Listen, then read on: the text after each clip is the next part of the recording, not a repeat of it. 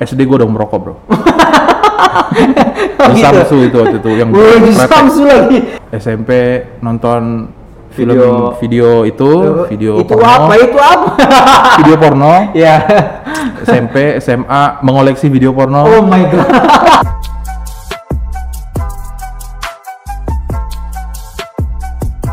Yo yo yo, welcome back. Suara Next Gen. Nah, hari ini kita sudah hadirkan kembali narasumber atau tamu kita namanya Adri. Adri Andri Andri Andri Andri tanpa D.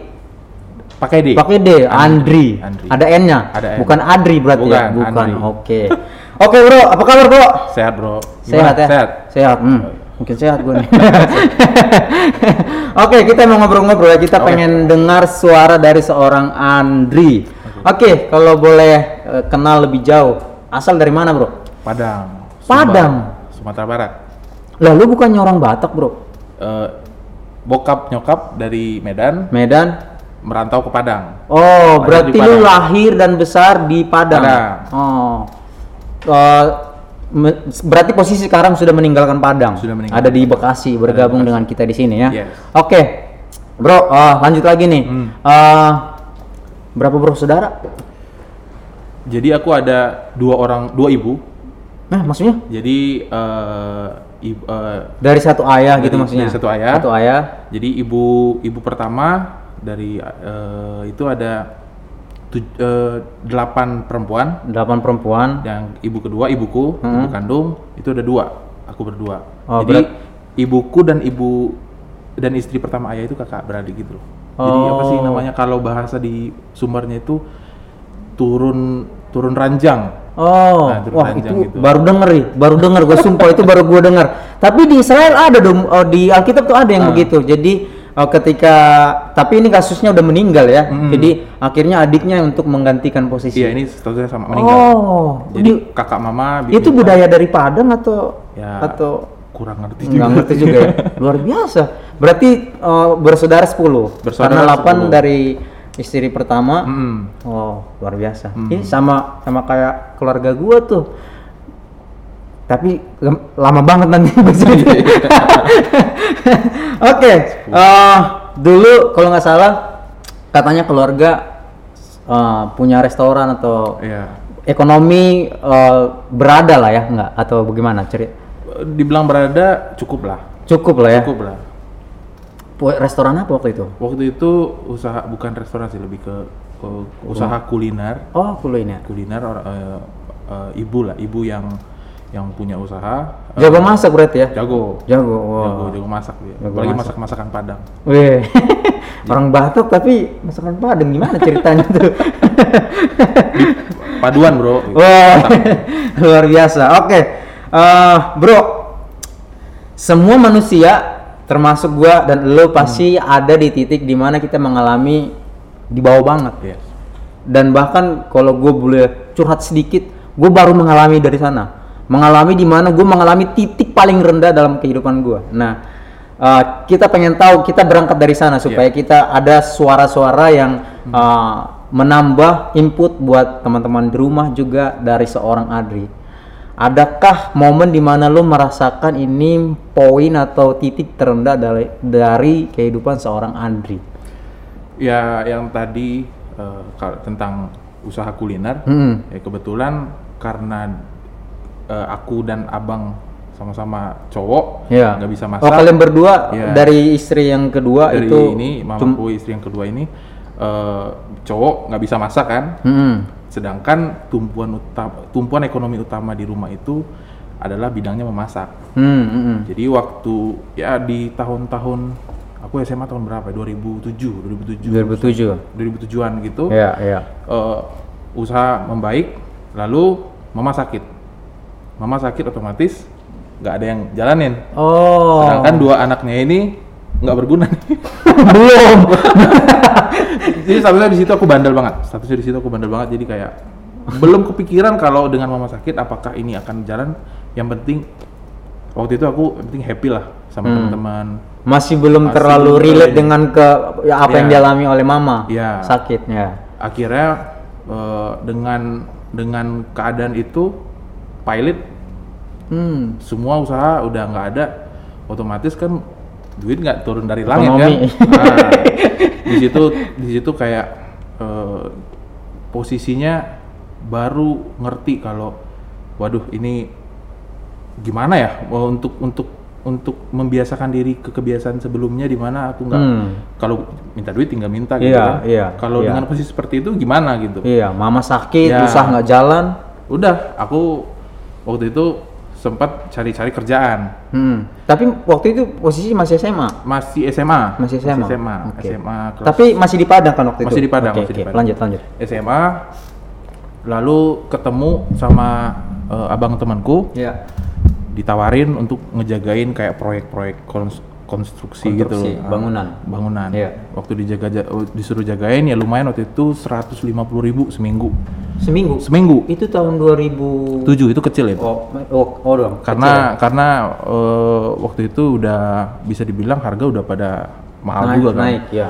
ya tapi daripada nggak ada ya udah dijalanin aja skill juga nggak ada soalnya kan Masih masuk di fase bandel-bandelnya. ya masih masuk jadi nggak punya apa-apa waktu itu Iya. disuruh disuruh cuma jagain ya udahlah siapa yang nggak bisa ngejagain gitu Iya, iya. dan sampai di situ eh, keadaan nggak nggak memulih seperti seperti yang kita harapkan Iya, kan. iya, iya. ternyata eh, nggak hanya pilot kan yang namanya usaha itu pasti ada hutang Hmm, hmm, hutang nggak nggak kebayar nih oh makin stres gitu kan makin Iya, iya. sampai akhirnya ya mungkin yang punya eh, hutang ke bank juga hutang ke beberapa perorangan juga Iya. yang ya bisa dibilang investor-investor Iya, gitu kan iya, iya. rugi Nah, itu jadi tanggungan siapa lagi kalau nggak anak-anak gitu kan nah Sorry, tadi lu oh, anak besar atau yang Yang bungsu. Oh, yang bungsu. Berarti Hmm. ada abang abang posisinya pada waktu itu eh abang waktu itu posisinya udah di Jakarta sih Oh, udah di Jakarta. Udah di Oh, Jakarta berarti waktu lu berjuang sendiri dengan hutang itu tadi dan segala Iya. macam. Wow. Abang juga baru Oh, ini, karena abang baru merintis. Iya, iya, iya. Abang baru merintis, Iya. otomatis nggak bisa dibebankan juga gitu kan, karena dia bisa dibilang sedih juga gitu Iya, eh, iya. kalau kita cerita, eh, kalau dia cerita. Dan jadi- jadinya mau ndak mau Iya. keadaan mendewasakan, Oh. keadaan mendewasakan. eh waktu itu sampai akhirnya aku ditempatkan di kantor, Iya. karena setiap eh, proyek itu udah ada PIC, jadi mungkin abangnya temanku ini merasa kalau nggak enak juga nih berhentiin anak ini gitu. iya, Ya udah ditempatin di kantor dengan status nggak tahu mau ngerjain apa. Tapi yang penting udahlah ya 150 ribu seminggu nggak berat lah buat orang-orang proyek itu kan. Iya, iya. iya. Nah, terus eh, waktu ngasih di waktu ngasih ke kantor di kantor akunya eh, ada keadaan di mana agak bentrok tuh sama orang kantor. Oh. Kenapa? Karena orang kantor kerja akunya enggak. Padahal Oh. aku nggak dikasih kerja kan. Iya, Akhirnya iya. aku dikasih kerja. Oh. Kerjanya apa? Ngepel dan nyapu. Oh my god. Jadi Iya, aku iya. dianggap kayak obel lah di situ Iya, waktu iya. itu. Sakit nggak hati itu rasanya Hmm. kayak gue kan nggak diminta kayak gini, kenapa gue disuruh kayak gini, malah Hmm. disuruh beli apa baik clean ya apa sih ya, eh, untuk Ya, yang pembersih, pembersih gitu, itulah eh, disuruh ini itu terus kalian disuruh ngepel nyapu dan segala macam Hmm.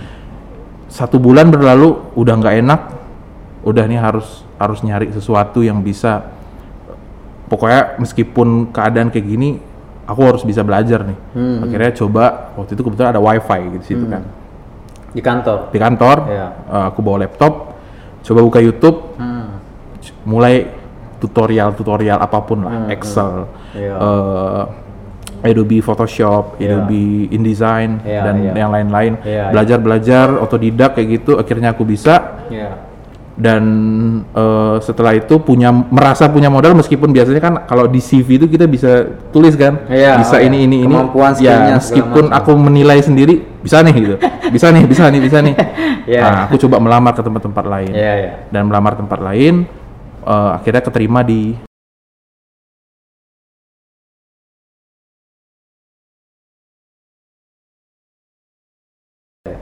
puji Tuhan salary naik kan diterima Nah, diterima. Nah, eh, singkat cerita diterima salary naik eh, keadaan ya ada pelangi dikit lah waktu itu dari Apa tuh pelangi maksudnya? jadi ada ya eh, badainya udah mulai-mulai redup. Ah. Nah, jadi setelah itu ternyata nggak di situ eh, eh, kisahnya. Ah, karena lanjut. ternyata di situ kerjanya nggak bener. Bukan nggak bener sih kayak aku ngerasa kayak ini bukan bukan sesuatu yang seharusnya aku kerjain. Ah. karena di situ aku eh, diminta untuk eh, memalsukan dokumen lah apa. Oh, meskipun iya, iya, aku nggak di secara nggak langsung eh, aku tahu dan secara langsung mereka bilang ini tolong ya digini gini giniin ya Oh. kita kan nalar nalar sendiri kan masa Iya. iya kerjaan ngubah dari 100 dolar jadi 500 dolar Oh, oh, itu berarti iya. udah ini Iya, kan. iya, iya, iya. dengan janji-janji nanti kamu enam bulan kamu Ada bisa beli lah ya. bisa beli mobil ya, Hmm. dan segala macam siapa yang nggak mau kayak gitu kan Iya. akhirnya ya pindahlah Hmm, hmm. ke eh, ke Bekasi waktu itu Oh, di situ momennya baru pindah ke Bekasi. Oh, berarti Bekasi. yang di di Padang. masih di Padang Oh, akhirnya nggak cocok, nggak damai juga kali pasti Nggak karena damai. udah mengubah-ubah Hmm. data segala macam. Akhirnya pindah Iya. ke Bekasi. Iya. Itu tahun berapa pindahnya tuh? 2015 Agustus 2015. 2015 15. Oh. Oke, oke. Agustus 2015 tuh aku dipindah Nah, oke bro, Oh, sudah dapat pekerjaan tapi karena nggak cocok pindah ke Bekasi langsung dapat pekerjaan atau bagaimana bro waktu itu? Eh waktu itu sempat ada eh, jadi abangku yang udah duluan di sini Hmm, hmm. dia, dia kerjanya di perusahaan induk Iya. Perus- eh, di perusahaan induk Yang- tempat aku bekerja Yang sebelumnya yang di Padang. yang di sini Oh. jadi aku tuh ditarik untuk bekerja di perusahaan anak eh, tempat abangku bekerja Oh. jadi abangku kerja di perusahaan induk aku ditaruh di perusahaan anak waktu itu Ah. dan ya pindah ke Bekasi sekitar satu minggu dua minggu aku lupa itu baru eh, belum ada tes apa belum ada slot lah Hmm, hmm. jadi nunggu dua minggu baru langsung masuk ke situ ke Oh. di di perusahaan pabrik manufaktur Oh ya, oke. Oke, balik lagi bro. Tadi kan sempat nyinggung tadi tuh. hmm. Ya, nakal-nakal remaja lah ya. Ay. siapa yang nggak nakal waktu remaja Ayo aku siapa yang nggak nakal? siapa yang Semua nakal ada pada nakal. waktu remaja? Oke, sejauh mana sih nakalnya bro? Ya pasti kan ada ada indikasi-indikasi. Kenapa lo bisa lo bilang itu nakal? SD gue udah merokok bro Oh, di gitu? Samsu itu waktu itu yang Wih, di. Samsu lagi. Itu kayaknya keras loh itu. Sam- Sampai sejauh itu ya Sam- SD sudah merokok. SD ngerokok, SMP nonton film Video- video, itu, video itu porno, apa? Itu apa? video porno, ya. SMP, SMA mengoleksi video porno. Oh my god. Ya, Siapa gitu. yang masih punya koleksi di sini yang di rumah? Kita Ya. buka aja lah. Eh, itu bukan. ya betul. Eh, dan akhirnya pindah ke Bekasi. Eh, katanya, gue dengar beberapa kali lo di Next Gen juga pernah cerita Hmm. bahwa lo bertobat pada waktu itu di momen di mana lo mengikuti acara KKR, KKR, pada iya. kalau, kalau nggak salah itu. Mm, mm, Gimana ceritanya tuh bro? Jadi kalau ditanya tadi kenakalan itu udah gimana ya? Menurutku semua kenakalan remaja itu udah ku coba. Iya, iya. kecuali seks bebas ya, Ah, kecuali oke, seks iya. bebas. Kecuali seks bebas. Eh, tapi udah di ujung-ujung seks bebas sebenarnya. Sebenarnya udah, udah ada di pintunya. Iya, di pintunya Tinggal langkah lagi. tinggal buka aja gitu.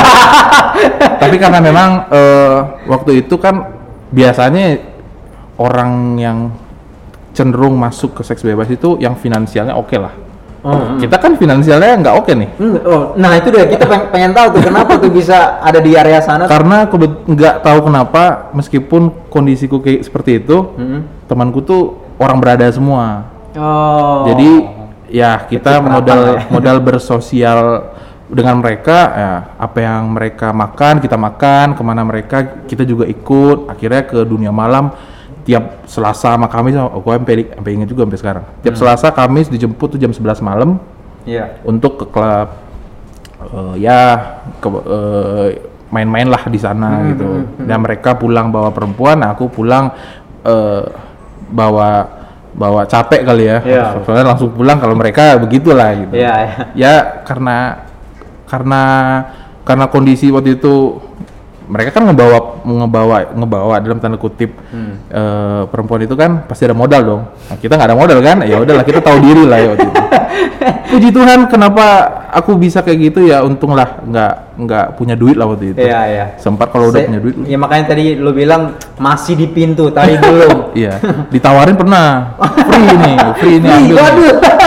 Tapi enggak, waktu itu Enggak. enggak tahu kenapa enggak, waktu itu enggak mau. Ya mungkin uh, ya kalau gue bilang itu mungkin cara Tuhan untuk Mm-mm. sampai nggak gini. Nanti takutnya proses pertobatan lu makin ja, makin panjang gitu. Betul, betul. Luar biasa. Oke, thank you bro. Itu itu part kita yang pertama. Nanti soal kelanjutannya kita akan bahas lagi dan thank you sudah bercerita soal uh, masa lalu dari seorang Andri. Iya. Oke, buat teman-teman yang ada di rumah kalau teman-teman punya pengalaman seperti apa yang dialami oleh bro kita Andri, boleh nanti teman-teman uh, tulis uh, sesuatu di kolom komentar supaya gini uh, kita sama-sama belajar. Kalau seorang Andri aja bisa akhirnya keluar dari circle dulu, kita pun pasti bisa. Dan jangan lupa teman-teman di share supaya makin banyak orang yang diberkati dengan part ini. Stay tune.